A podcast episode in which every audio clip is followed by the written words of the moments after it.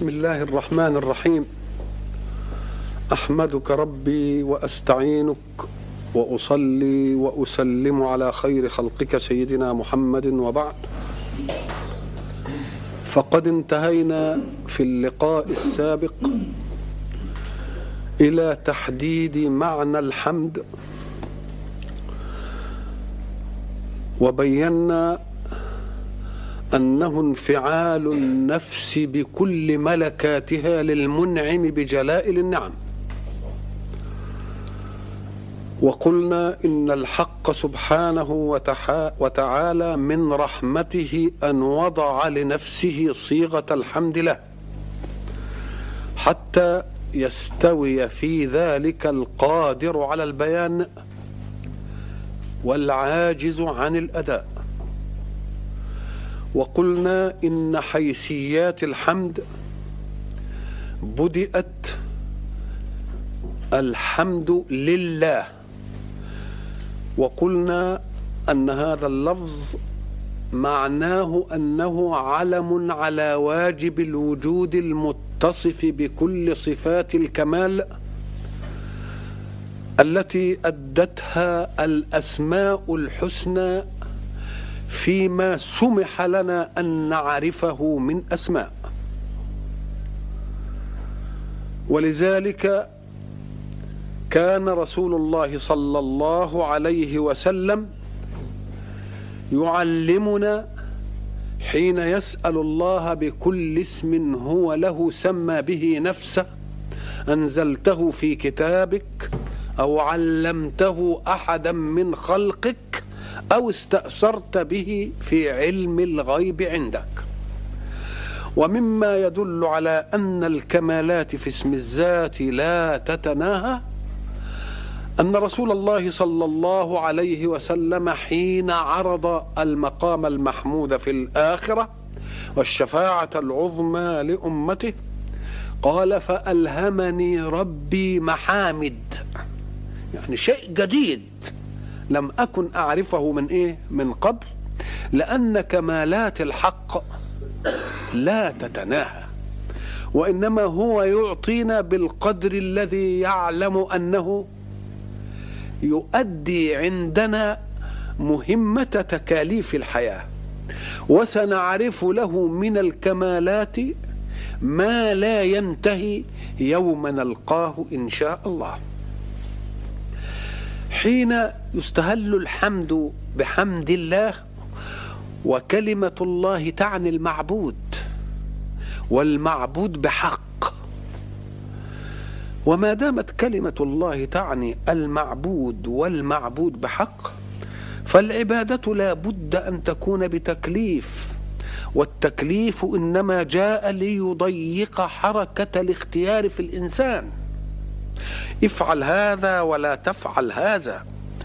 فكان المقتضى أن يكون الحمد اولا للربوبية المنعمة بإيجادنا من عدم وبإمدادنا من عدم لكن أن تستهل بالله المعبود والعبادة تقتضي تقييدا للحركة بفعل ولا تفعل فكأنه يقول لو تنبه العاقل لعلم أن الذي يستحق الحمد اولا هو الله المعبود المكلف. لأن المتفضل قد يكون محمودا عند الناس ولكن المكلف يكون شق على الناس. ولكن لو علم الناس قيمة التكليف في الحياة لحمدوا الله على أنه كلفهم بفعل ولا تفعل.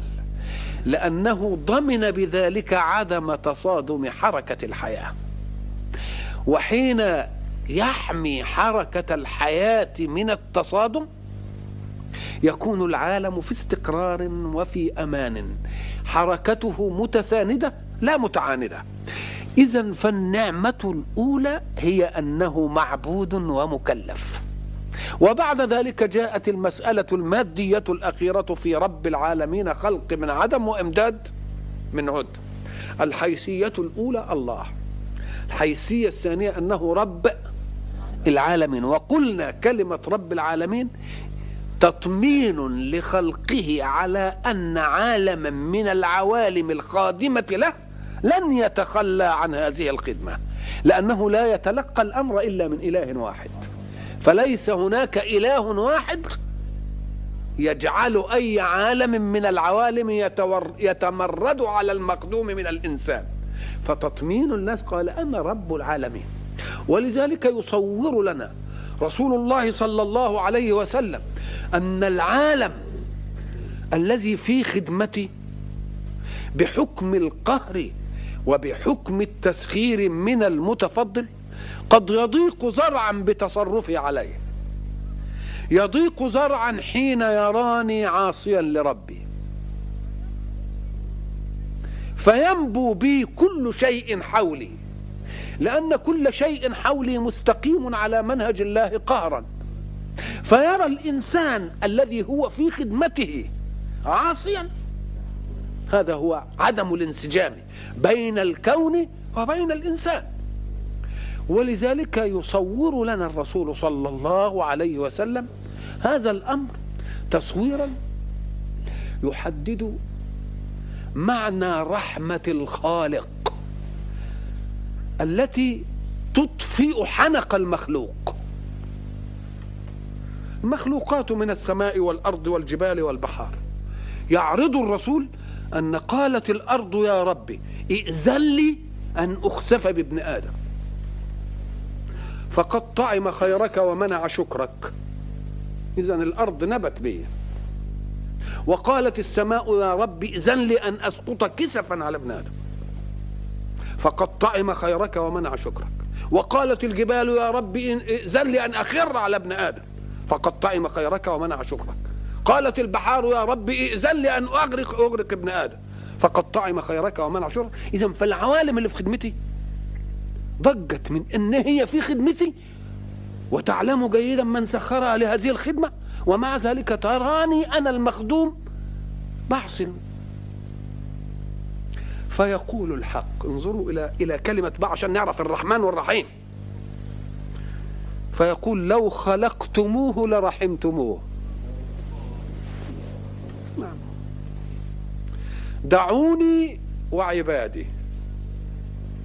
فإن تابوا إلي فأنا حبيبهم وإن لم يتوبوا فأنا طبيبهم. تلك تجليات صفة الرحمن وتجليات صفة الرحيم وكيف ضمنت لنا بقاء العالمين في خدمتنا مع معصيتنا لمين؟ مع معصيتنا لمن سخرها لخدمتنا. ولذلك أنا قلت مرة في بعض اللقاءات إن ظنون الناس وعقولهم لا تتسع إلى إدراكات العالم الجمادي والعالم النباتي والعالم الحيواني. هي إدراكات تستطيع أن تتفاهم مع خالقها. هي ما أقدرش أنا أتفاهم وياه. إنما خالقها يتفاهم وياه. بدليل إنه في الخلق الأول قالتا أتينا طائعين. ونسب لها إيه؟ نسب لها قولا. قالتا ثم استوى إلى السماء وهي دخان فقال لها وللأرض؟ قال لها وللأرض ائتيا طوعا أو كرها. قالتا أتينا طائعين. وهل يقال لشيء أو يقول شيء إلا إن فهم عن القائل وعن المقول له؟ بس إحنا ظنوننا ما بتتسعش. بدليل أن الله حينما أخبرنا أنه علم سليمان منطق الطير علم سليمان إنه فهم عن النملة وفهمنا أن الجبال يسبحن مع داود إذا علمنا أنها عوالم لها إدراكات مناسبة لها الإدراكات اللي مناسبة لها تخليها تنفعل. بل قلنا إن فيه ترقي. ترقي بأن يجعل لهذه الجمادات عواطف. العواطف دي المشهور إنها عند الإنسان بس. إنما لما نيجي نتكلم ربنا عن بني عن قوم فرعون يقول إيه؟ أخرجناهم من جنات إيه؟ وعيون وزروع وما إيه؟ مقام كريم ونعمة كانوا فيها. فما بكت عليهم السماوات والأرض. الله كأن السماوات والأرض لها بكاء. من يقول هذا؟ نعم لها بكاء. بكت السماوات والأرض ما بكتش عليهم. اذا فهي تبكي على من؟ لو أنها لا تبكي على أحد ما كانش فيه خصوصية. إنما فما بكت عليهم السماوات والأرض يدل على أن السماوات والأرض تبكي على حد. نعم تبكي على العبد الذي انفعل بالتكليف انفعالها بطاعة التسخير فلم يعص الله سبحانه وتعالى. لأن ده هو الإنسان اللي بيبقى منسجم وياه. فإذا ما كان هناك مكان يرى الإنسان مصلي وطائع ولم يشهد عليه معصية يقول لك ده زي في الطاعة طوال ده.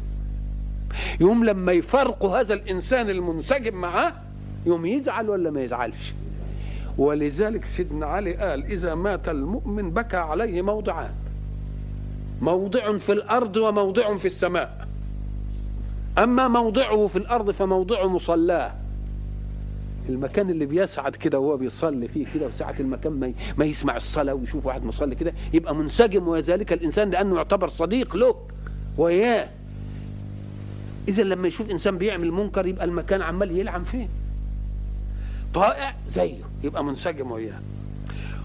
هذا موضعه في الأرض وموضعه من السماء. بيبكي من إيه الموضع؟ المصعد عمله الطيب. إذا فدي لها إيه؟ انفعالات. فإذا قالت الأرض كذا وقال هي قالت لي ولا قالت لمن خلقها؟ لمن خلقها. لا يعز على من خلقها أن يتفاهم معها وتتفاهم إيه؟ معه. لأن الأشياء في التكوين منفعلة للخالق فهو حين يخاطبها ده انت إذا نظرت كده إلى القرآن تشوف إيه؟ إنما أمره إذا أراد شيئا شوف أن يقول له. طب ده, ده, ده قبل أن يكون بقت كلمة له موجودة. ده بيقول له يقول له وبعدين جت كن بعده. هو لا يأتي إلا بعد كن. فكيف يقول له قبل أن تأتي كن؟ إذا فكل شيء في الوجود منفعل لخالقه. أن يقول له له كن. أمال بيقول لمين؟ طب ما قبل ما يقول كن ما كانش موجود. لم يكن موجودا قبل قوله كن. فكيف يقول له؟ يقول له. يبقى ده مستحضر عنده. المكت موجود. يقول له ابرز بس. ولذلك لما سئل ما شغل ربك الآن قال له أمور يبديها ولا يبتديها. يبديها في فرق بين أن ذا يبدي مش يبتدي فكأن حينما يقول له كن فيكون هو بدأها. إنما كن ديا يبديها يظهرها للناس. إنما المسائل كلها مفروغ إيه؟ مفروغ منها. امال كيف نفسر قول الرسول صلى الله عليه وسلم؟ إن الجنة عرضت علي ولو شئت أن آتيكم بقطاف منها لفعلت. لو شئت أن آتيكم بقطاف منها يدل على إنها حقيقة واقعة. مسألة واضحة. إذا فقول الله إنما أمره إذا أراد شيئا أن يقول له فكأن الشيء في العلم الأزلي موجود. ولكن الإبداء هو اللي ناقص. لأنه بيقول له ومع أنه لا يوجد إلا بعد كن. هيقول للمين بقى؟ كن. يبقى إذا مسائل إبدائية مش ابتدائية. فالحق سبحانه وتعالى يعرض لنا بقى الإيه؟ الحيثيات بتاعت الحمد يبقى الله مكلف لو ما كانش كلفنا بيفعل ولا تفعل كانت بقت شقاء. كان القوي يبقى بقوته والقادر بقدرته. وكل اللي يقدر يعيش فساد يعمل. إذا فحمايتنا جاءت منين؟ جاءت من التكليف من الإله. كان المفروض إن الامتنان يبقى برب قبل إله لأن الإله مكلف والتكليف هيقيدني شوية نقول له لا ده التقييد ده هو الخير لك. لأنك يجب أن تنظر لا إلى تقييدك ولكن انظر إلى تقييد بقية الخلق بالنسبة لك. أنا ضربت مثل قلت هو قال لي لا تسرق من فلان تقييد لحركته.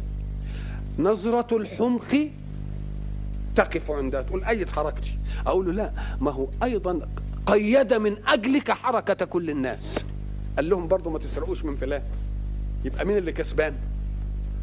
يبقى أنت اللي كسبان. لأنه قيدك وأنت واحد. وقيد من أجلك الملايين. يبقى ما تاخدش أنت لا التقييد على إنه تكليف لك لوحدك. ده تكليف لكل الإيه؟ ده تكليف لكل الناس. اذا فحيثيات الحمد الله حيثيات الحمد رب الإيه؟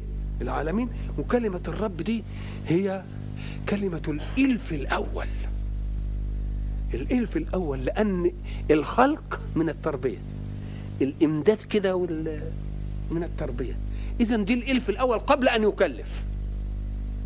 ولذلك حين يعرض الحق لنا في عالم الذر وإذ أخذ ربك من بني آدم من ظهورهم ذريتهم وأشهدهم على أنفسهم.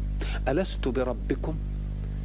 ما قال لهمش ألست إلهكم لأن لسه مش حكاية تكليف في عالم الذر إنما دي ربوبية ربوبية العطاء ربوبية التربية.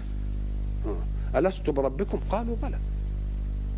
أيوه أنا خليتكم تقروا دلوقتي مخافة أن تقولوا إنا كنا عن هذا غافلين.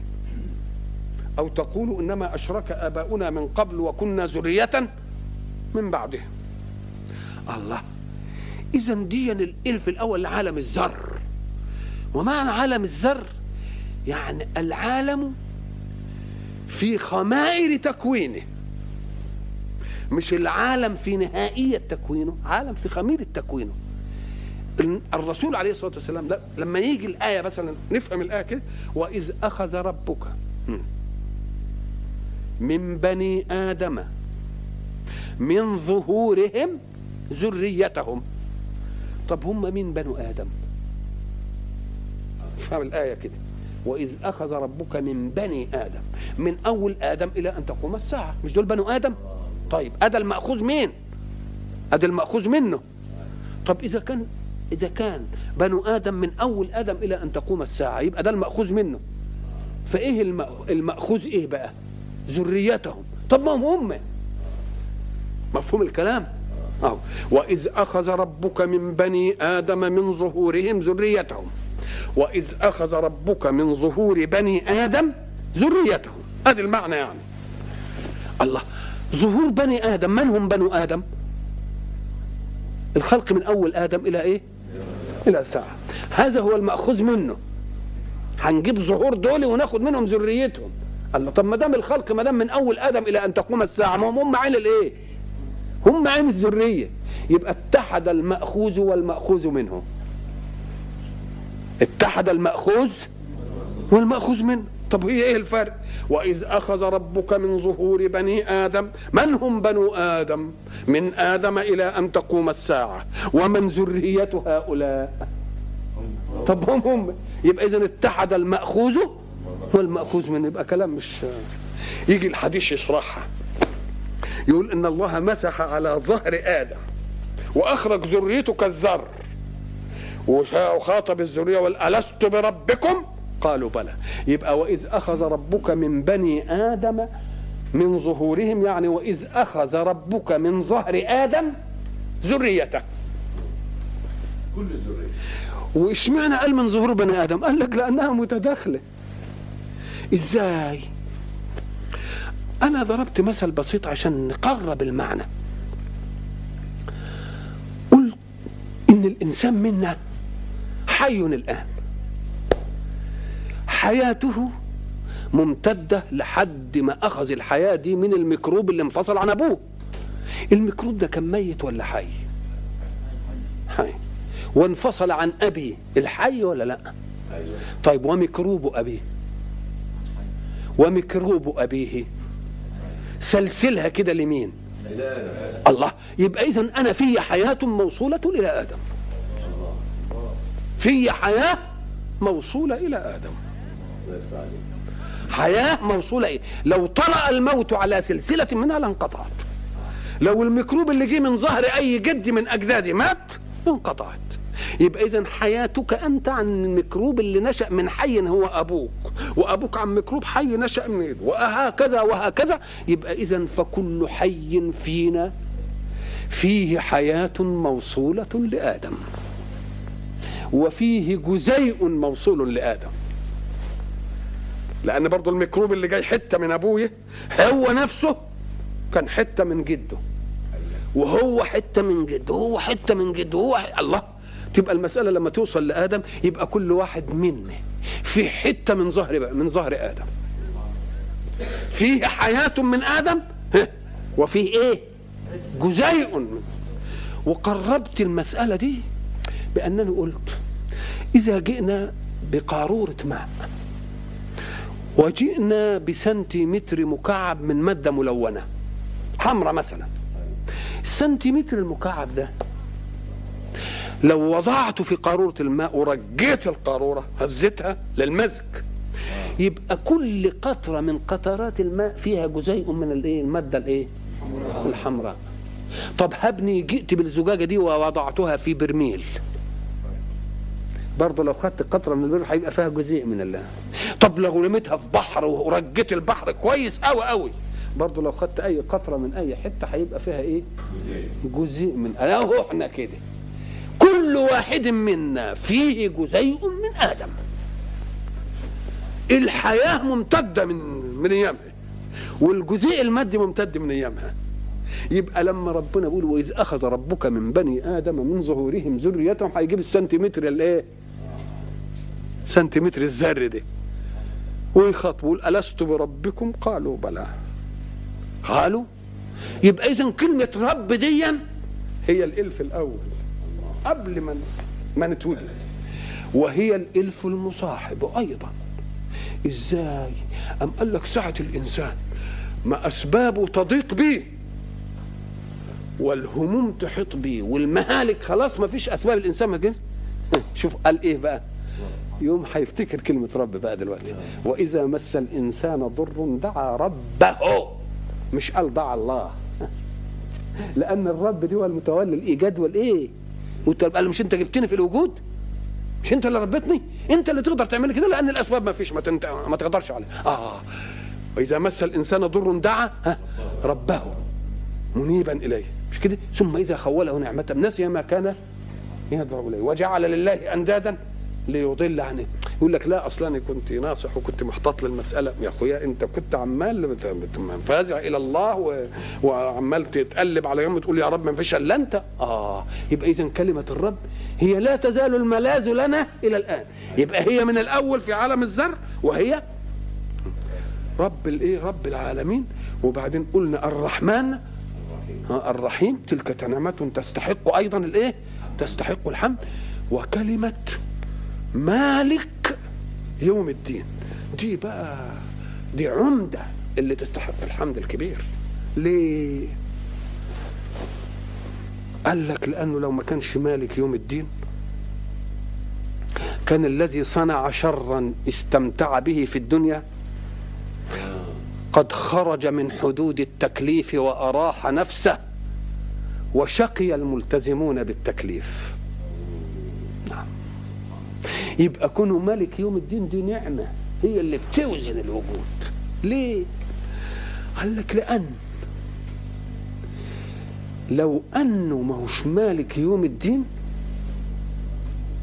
كان الإنسان منه إذا ما كانش قوي ما يعرفش يتحرك في الحياة. ليه؟ قال لك لأن أنت حركتك إذا كنت مستقيما على المنهج. بتنفع غيرك في دنياه ولكنها لا قد لا تنتفع بها إلا في أخراك. يبقى أكن ثمرة التكليف مش هتبان في الدنيا. لأن أنت سلوكك منظم بالنسبة لغيرك فغيرك اللي انتفع بأنك كويس. إنما أنت شقيت بإن غيرك مش كويس. يبقى لو ما طمنيش وقال لي ده بقى ما أنا مالك يوم الدين يعني ما تفتكرش إنها ضاعت ده عندي. آه. يبقى طمني تطمين إيه؟ تطمين كامل. لما نيجي ننظر إلى كلمة مالك يوم الدين أو مالك يوم الدين قراءتين يعني. ولذلك تلاحظوا إنها مكتوبة في المصحف ميم لام كاف. وبعدين القراءة اللي تقراها ملك تبقى ماشية. وبعدين فيه مادة كده اللي يقراها إيه؟ مالك. ففي قراءتين. آه اذا أدركنا سر حذف الألف هنا. علشان الشكل يخدم الاسمين. إن قرأتها مالك المادة اهي وإن قرأتها ملك تبقى الصورة موجودة عندك ملك. الله. في لما تيجي تنظر إلى المسألة دي تجد إن الناس لما قالوا إيه مالك وإيه ملك؟ المالك كل واحد يبقى مالك. أنا أملك عبايتي أملك المتاع بتاعي أملك أي حاجة. إنما مش كل واحد ملك. يبقى الملك له تصرف على المالكين. يبقى ملك يبقى إيه؟ يبقى أعلى يعني. نقول له طب كويس قوي لكن هو الملك ده صحيح؟ تصرفه أعلى. ها؟ على المالكين. أنت مالك وهذا مالك وده مالك وده مالك وده مالك. كل واحد مالك اللي عنده. ايا كان. أهو مالك. لكن لما يجي الملك ها، يبقى على الإيه؟ على الكل. نقول له له المالك يتصرف في ملك الغير. ده ما يتصرفش في ملك الغير. ها؟ ما هو ما يتصرفش في ملك الغير.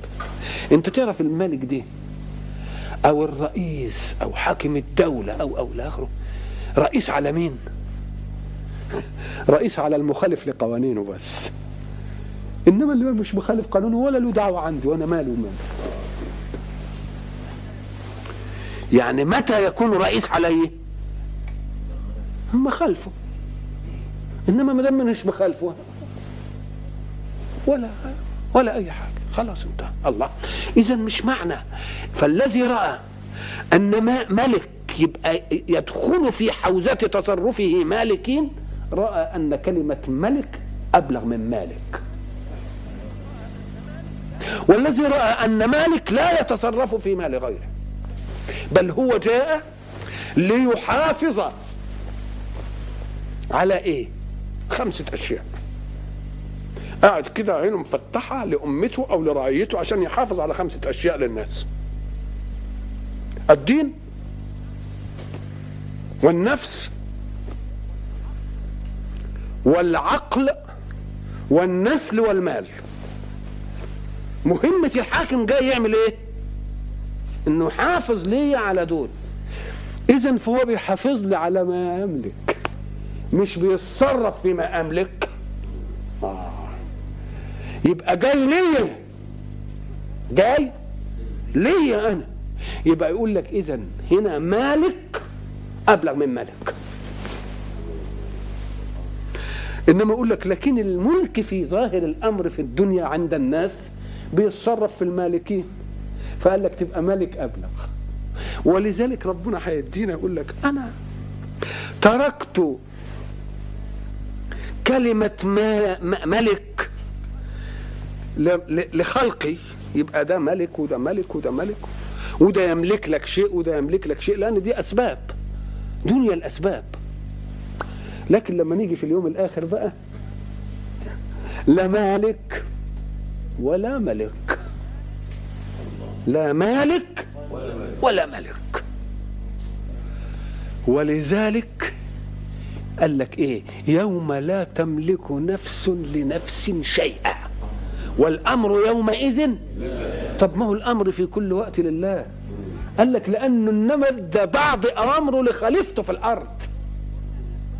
يبقى في دنيا الأسباب اللي إحنا عايشين فيها إدى شيء من عنده لبعض الخلق. إنما في الآخرة لا. إذا بيطمني على أنك إن بليت بمالك أو بملك يطغى فيك بحكم الأسباب والمسببات لأنه مثلا يملك لك شيئا يقول اللي هيسعدك بقى في الآخرة إن هو بس لوحده مالك يوم الدين أو ملك يوم الدين. فاطمئن إلى إنك أنت فيه وقت هتخرج فيه من طغيان البشر أو من طغيان الذين لا يأتمرون بمنهج الله. واطمئن جدا على أنك أنت إيه؟ ما فيش لا مالك ولا ملك. بأي معنى شئتها؟ إن كانت مالك أبلغ ولا ملك أبلغ إنما لمن الملك اليوم؟ لله الواحد الإيه؟ الواحد القهار. ما تيجي تقول مالك ملك أو مالك يوم الدين. هنا ملك أو مالك وهنا يوم والدين. كلمة يوم دي آه العرف الشائع أو العرف الاصطلاحي أو العرف الفلكي أو العرف الجغرافي اللي بنعرفه إحنا إن كلمة يوم بتبدأ من وقت إلى مثله في في القابل. يعني من شروق الشمس لشروق الشمس مثلا أو من غروب الشمس لغروب فهي تشمل ليلا وإيه؟ ده نسميه اليوم. ده يوم فلكي أو يوم إيه؟ جغرافي. إنما لما نيجي اليوم في التشريع عندنا نقوم نجد اولا مالك يوم ويوم ظرف زمان. مش ظرف زمان؟ كل حدث له ظرف زمان. يعني زمان يقع فيه ومكان يقع فيه. أيوجد حدث أي فعل لا يوجد في زمان ولا يوجد في مكان؟ مش ممكن. لازم أي حدث وأي فعل يوجد في زمان وفي مكان. من الممكن أن يملك المكان ظرف الزمان. إنما كيف يملك الزمان؟ ما يملكش الزمان. ولذلك المفسرين قال لك مالك يوم الدين أي مالك أمور يوم الدين. لأن ظرف الزمان ده ما يملكش. قال لك لا ده ما يملكش عندك. إنما عنده هو يملكه. لأنه هو اللي يملك إطلاقه.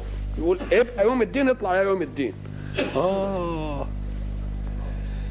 يبقى اذا هو اللي إيه لا يجليها لوقتها إلا هو. يبقى مالك اليوم نفسه يجي إمتى؟ هو اللي يملكه بس. هو اللي إيه؟ اللي يملكه. بقى أنت قست الزمان والمكان والمكان قد يملك والزمان لا يملك بمقاييس ملكية البشر. لكن ده إحنا بنتكلم في الله. يبقى مالك اليوم؟ يا تقول مالك أمور هذا اليوم كله؟ طب هو متى لم يكن مالكا؟ قال لك هو كان في ملك ومستخلف في ناس. أنفقوا مما جعلكم مستخلفين فيه. مديلهم حاجة إنما في يوم القيامة ما فيش حد هيبقى في إيده حاجة ابدا. لمن الملك اليوم؟ لله الواحد القهار. طب ما هو كان قبل كده لمين؟ قال إيوه عند العاقل لله. لكن عند ظاهرية الناس ربنا مدي للناس آه، تصرفات في أمور الناس. لكن في الآخرة ما فيش إلا إيه؟ إلا إلا هو. كلمة يوم بقى هنا. هتطلق على ال 24 ساعة ولا هتطلق على مقابل الليل؟ تطلق على إيه؟ على مقابل الليل. أم قال لك سيروا فيها ليالي وأياما؟ آمنين. يدل على أن الليل مقابل ال... لا اليوم. يبقى إذا اليوم هنا. معناها الإيه؟ معناه النهار. لا. اليوم معناه النهار. سبع ليال وثمانية أيام. يبقى فيه ليال وفيه إيه؟ لا أيام. هنا في المنطق هنا ليالي وإيه؟ وأيام. طيب هو مالك يوم الدين ده؟ ما دام هنا الليالي والأيام يبقى اليوم هنا معناه النهار. هي هي هي, هي القيامة دي هتبقى بالنهار. طب ده إحنا ما نعرفش هتبقى إزاي. ليلا أو نهارا. مش كده ولا إيه؟ طب يبقى سماها يوم إزاي؟ ما دام اليوم عنده مش هو ال 24 ساعة لأن جايب مقابله النهار. مش كده؟ يبقى اليوم عن ال- ال- جاي مقابله الليل. يبقى اليوم عنده مقابل الإيه؟ النهار. طب يسميها يوم ليه بقى؟ طب ده إحنا ما نعرفش هتيجي بالليل أو بالنهار. نقول له تعالى لأن النهار فيه استيقاظ الحركة. والناس قبل اليوم الآخر هتشملهم غيبوبة ال- الموت. يبقى لما يجي اليوم كأنه إيه؟ استيقاظ من كأنه إيه؟ استيقاظ من النار ولأن في اليوم الآخر هنتعرض بقى للإيه؟ للمجهودات والأهوال. وده محلها دائما الإيه؟ النهار ولا الليل؟ برضو الإيه؟ النهار. طيب أدي كلمة يوم. لكن إذا قال الله سبحانه وتعالى كل يوم هو في شأن. يبقى معناها إيه؟ إن أردت أن اليوم اليوم الجغرافي بتاعنا ده 24 ساعة يبقى كل 24 ساعة هو في إيه؟ في شأن. مش كده ولا إيه؟ وإن أردت برضه اليوم اللي هو مقابل النهار يبقى هو برضه في شأن. يبقى كل- نهار هو في شأن مع أن شأنه لا ينتهي. لا ليلا ولا نهارا. مفهوم ولا لأ؟ ما دام شأنه لا ينتهي لا ليلا ولا نهارا يبقى لازم نشوف كلمة يوم دي. نقول له ال ال ال الارتقاءات الكشفية اللي اكتشفنا بها أسرار الفلك. علمتني إن بتقول الأرض كورة وبتلف حوالين نفسها في حركة وبتلف حوالين الإيه؟ الشمس في حركة. بينشأ عن لفتها حول نفسها ليلا ونهار وبينشأ عن لفتها حول الشمس فصول. طيب ما دامت الأرض تدور يبقى قدر لي يوم كل منطقة. أمسك خط واحد مثلا من خطوط الطول لأن هي دي اللي بت إيه تبقى فيها الليل والنهار. مش كده ولا لأ؟ لما تجيب خط من خطوط الطول وابدأ له يوم نهار مش هياخد النص. طيب الخط اللي بعده يبقى بدأ نهاره بعد قد إيه؟ بعد مدة. الله. طب وأنت ليه هتاخد بالخط؟ ده أنت تاخد بالحركة. بمعنى إن كل الأرض ما تتحرك حركة يبقى بدأ يوم. يبقى آه. وانتهت غابت عن حتة. يبقى بدأ ليل. طب وهي دائرة دائما. اذا ففي كل جزء من مليون لحظة من المليون من اللحظة بيبدأ نهار. وينتهي وينتهي الليل. آه يبقى آه يبقى إذا لما نقول كل يوم هو في شأن. أنت بتحسبها كل يوم أنا ولا كل يوم الصين ولا كل يوم ليبيا ولا كل يوم إيه؟ آه كل يوم بحتة. يبقى اذا هو في شأن لا ينتهي لأن خروج ليل ونهار لا ينتهي ابدا. كل يوم يبدأ كل س... كل لحظة يبدأ إيه؟ يبدأ يوم. كل لحظة يبدأ يوم كل لحظة يبدأ يوم. الله. اذا هو في إيه؟ هو في شأن دائما. في شأن دائما مش معطل يعني. لا هو في شأن دائما لأن ما دام قال لك كل يوم تقول له يوم يوم من؟ يوم الخلق جميعا. وما دام يوم الخلق جميعا كل لحظة يبتدئ فيها يوم وينتهي فيها إذا فمعنى كل يوم هو في شأن تسميه يوم الآن أي كل آن هو في شأن لأن كل آن بيبدأ إيه؟ بيبدأ بيبدأ يوم يبقى إذا مما يجعل الحق يستحق الحمد أنه مالك يوم الدين لأن دي المسألة اللي هتفصل الفصل النهائي في كل ما يريح الذي تعب في الحياة. نقول له لا أنت هتروح. ما فيش حد من زملائك أو من إخوانك الإنس ده هيبقى له سلطان عليك. اطمئن على دي.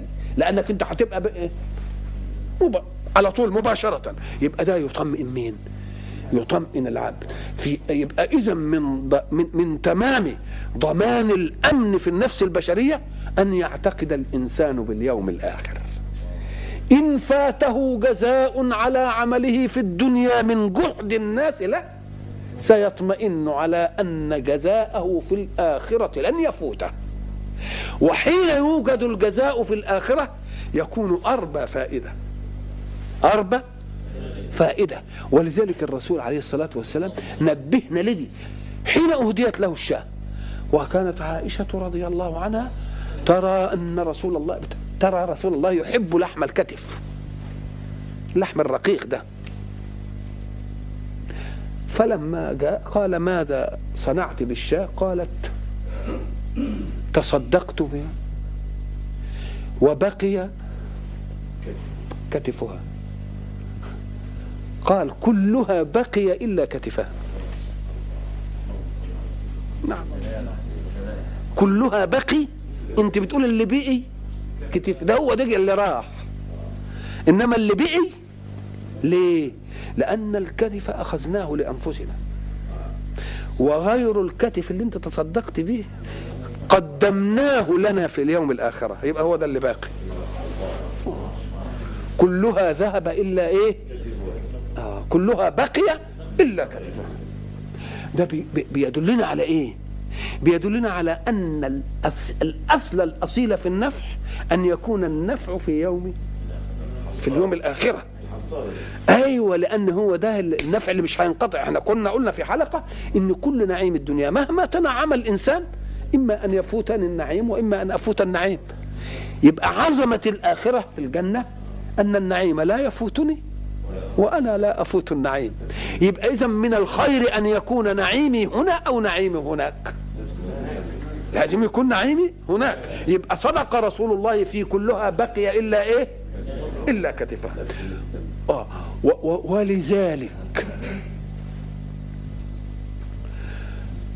دخل واحد على بعض الصالحين فقال له أنا أريد أن أعرف أأنا من أهل الدنيا أم من أهل الآخرة؟ فماذا قال له؟ انظروا إلى دقة الجواب. إشراقية الأداء. قال له يا أخي إن الله أرحم بعباده أن يجعل موازينهم في أيدي أمثالهم. ميزان كل امرئ في يد نفسه. لأنك تستطيع أن تغش الناس.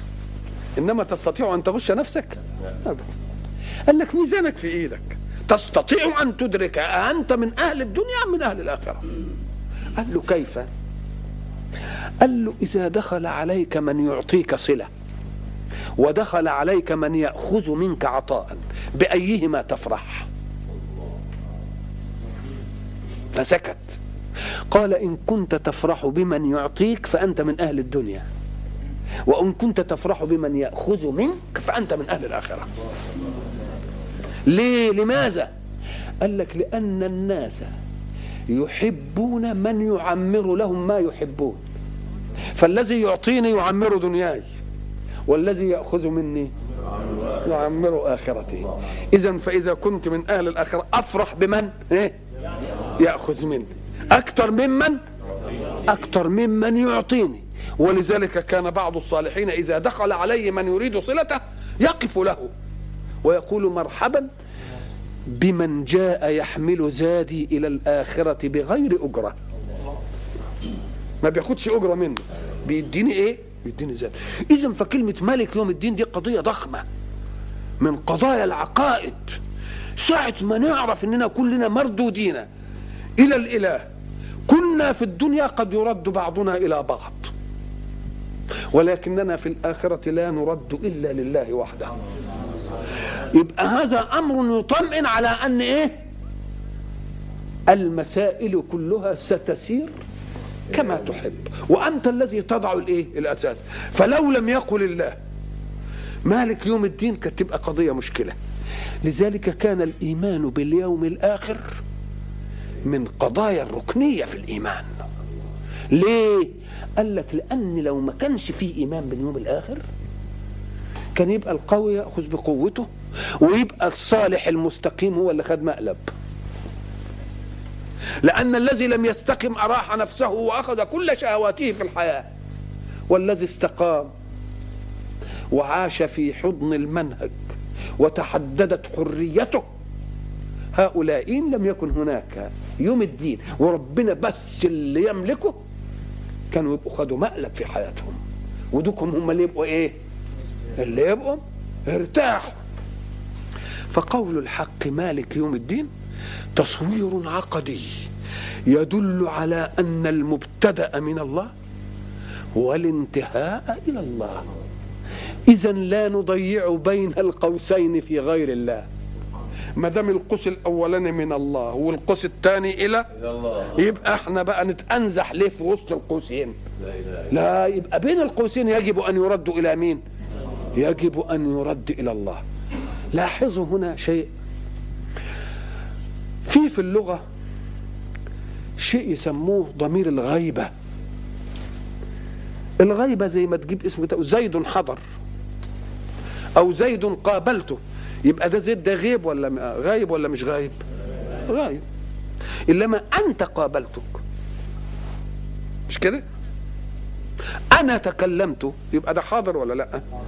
يبقى اذا فيه كم حاجة؟ غائب؟ ها؟ ومتكلم اللي هو أنا ومخاطب اللي هو أنت. أنا أنا اللي بتكلم وأنت اللي قدامي مخاطب. قرينتنا واضحة. إنما كلمة هو دي اللي هي على زيد الأسماء الظاهرة من الغيب كله. لما أقول إيه؟ لو كان الله قال الحمد لي كان يبقى إيه؟ تكلم. مش كده؟ إنما قال الحمد لله لأن الله غيب. لأن الله غيب. وقاعد يتكلم ورب العالمين غيب. ما مش قدامي يعني. وخدناها كلها بالإيه؟ بالعقديات. والعقديات كلها غيبية. مفيش أمر عقدي يجي في أمر حسي ابدا. لا يأتي أمر عقدي في أمر حسي ابدا. أتقول أنا أعتقد أنني جالس في مسجد الإذاعة وقاعد في الشعراوي بيتكلم؟ دي عقيدة دي. لأنها أمر حسي. ما تدخلش في مقام الاعتقاد ولا الايمان ولا البتاع. أنا أحس أحس. مش كده ولا إيه؟ فلما يجي في الغيب يقول الحمد لله يبقى غيب. ورب العالمين. غيب. ورحمن ورحيم. غيب. ومالك يوم الدين. غيب. خلاص؟ كان يجب أن يكون السياق إياه نعبد. مش كده؟ كان يجب أن يكون السياق في السوره إيه؟ إياه نعبد. لكن رحمة نقول السياق ده بيسموه التفات. التفات يعني السياق كان لغيبة وبعدين بقى إيه؟ آه كأنك استحضرت الغيب إلها واستحضرته ربا واستحضرته رحمانا واستحضرته رحيما واستحضرته مالك يوم الدين. فبان أمامك وأصبح مخاطبا. انتقل الغيب إلى إيه؟ إلى حضور الخطاب. بعد ما كان غيب بقى إيه؟ بقى حاضر. بعد ما كان علم يقين بالغيب بقى إيه؟ عين يقين.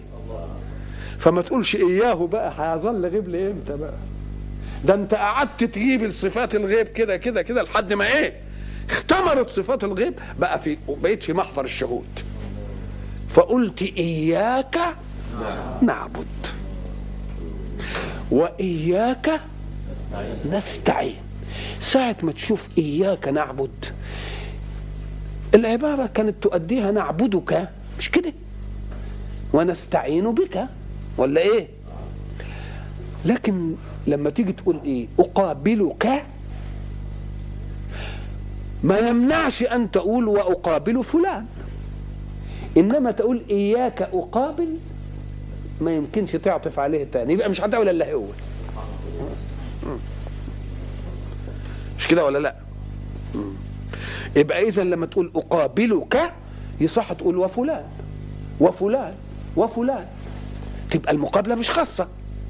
لكن إذا قلت إياك وتقدمها أقابل ما يقدرش تعطف عليه واحد تاني والأسلوب يفسد. يبقى إذا يعني معناها أننا نخصك وحدك بالعبادة. بالك لو قال نعبدك وحدك ما تؤديش إياك نعبد. ليه؟ لأن لما تقول نعبدك الذهن أول ما يسمعها يقول لك ويمكن هيعطف حد تاني. لكن لما نقول إياك ونقدمها كده من أول الأمر انحسمت. من أول الأمر انحسمت العبادة. لله وحده. ليه؟ أم قال لك لأن العبادة دي خضوع لله. بيفعل ولا ولا تفعل. ولذلك جعل الصلاة دي هي العبادة وجعل السجود هو منتهى الخضوع. ليه؟ أم قال لك لأن الإنسان المستقيم ده طب ده الإنسان بيعرفوه. حيوان مستوي القامة مستوي القامة يعني مش مش قامته كده بالأرض مستوي القامة ولذلك لما يجوا يعدوا لواحد كبرياء ولا شمم وبتاع وحاجة يحب يعني مش كده؟ يبقى مستوي القامة دي يبقى له إيه؟ أعلى وله أسفل أعلى وهو هنا يقوم يجي الخضوع ده يروح إيه؟ لو لا أعلى ده يخليه أسفل انتهت شو الخضوع بقى. خضوع ال- خضوع المطلق. فساعة ما تقول إياك نعبد أي نخضع. وأقرب ما يكون العبد في الخضوع وهو ساجد. ليه؟ لأنه بيكور نفسه. استواء القامة دي والرأس المرتفعة الشمخة دي بتيجي عند موطئ الإيه؟ عند موطئ القدم. الله. يبقى إذا كان ذلك في القالب. يمكن لو كان حكاية في القلب كده كنا نداريها على بعضنا وأنا نزل لله في الغيب. وأنت تنزل لله في الغيب. لا هو عايزنا ننزل انزلالة مش قلب بس. قالب أمام بعضنا عشان نفضع عبوديتنا لبعض. تبقى عبادي عبوديتنا؟ يبقى ما يجيش اللي أعلى مني. ويروح يسجد لربنا بينه وبينه كده. لا يقول له تعالى هنا واسجد كده علشان ال- ال- ال- اللي أنت بحكم أوضاع ال- ال- ال- المجتمع. أنت علي عليه يشوفك كده وأنت يبقى عمال بيفضح لنا عبوديتنا له. عشان ما فيش واحد بعد ذلك إيه؟ يستعلى ولا يتكبر. والأدنى يشوف الأعلى برضه زيه. يبقى اذا السوائية في العبادة هنا. سوائية في العبادة تبقى تديني إيه؟ عبادة وعبادة لواحد. لأن العبادة لواحد تحميك من العبادة لملايين سواك. فلو لم تكن العبادة لواحد لخضعت لكل ذي قوة في أي ناحية من النواحي. والله يريد الناس جميعا عبادا له وحده. أسأله سبحانه وتعالى أن يخلص عبوديتنا له لنحظى بخير السيادة منه. وإلى لقاء آخر إن شاء الله.